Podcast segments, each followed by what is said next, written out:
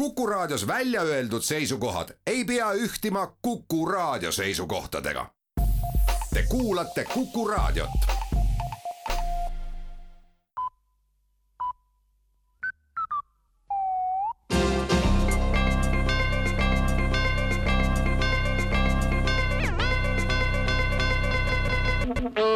tere kuulama uudiseid stuudios Rohke Debelak siseministeerium annab teada, et kuna valdkonnaministri soov toetada kaheksas omavalitsuses lasteaedu ja koole ei ole rahanduskomisjoni toetust leidnud, siis lähenetakse abile konstruktiivsemalt ja raha suunatakse vanglate ehitamisele. kaheksa uut vanglat erinevates valdades peaks eri piirkondade arengule olulist positiivset hoogu andma. pinnas vanglate rajamisel on viljakas, kui ei ole korralikke lasteaedu ja koole, siis on tulevikus vaja rohkem vanglaid, märkis siseminister hommikuses pressiteates ja lisas, et vabandab segaduse pärast ja jääb edaspidi omade liistude juurde.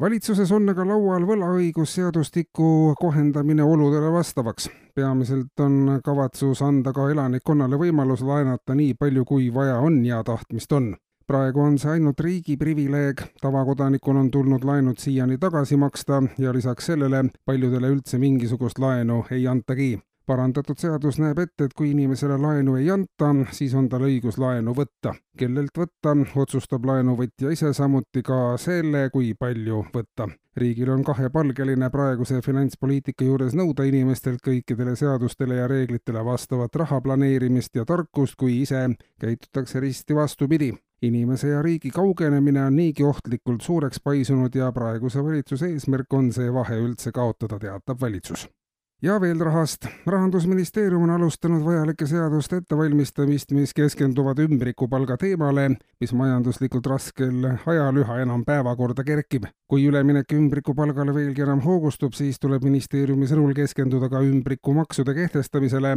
praegu on ümbrikupalk ebaseaduslik, kuid kui ümbrikupalgad on võimalik maksustada, siis on rahul nii riik kui ka tööandja ja ettevõtja kui ümbrikupalk muutub valdavaks, siis tuleb mõelda üldse ümbrikuriigi kehtestamisele ning kokkuhoid näiteks Maksuameti kaotamise pealt oleks juba märkimisväärne.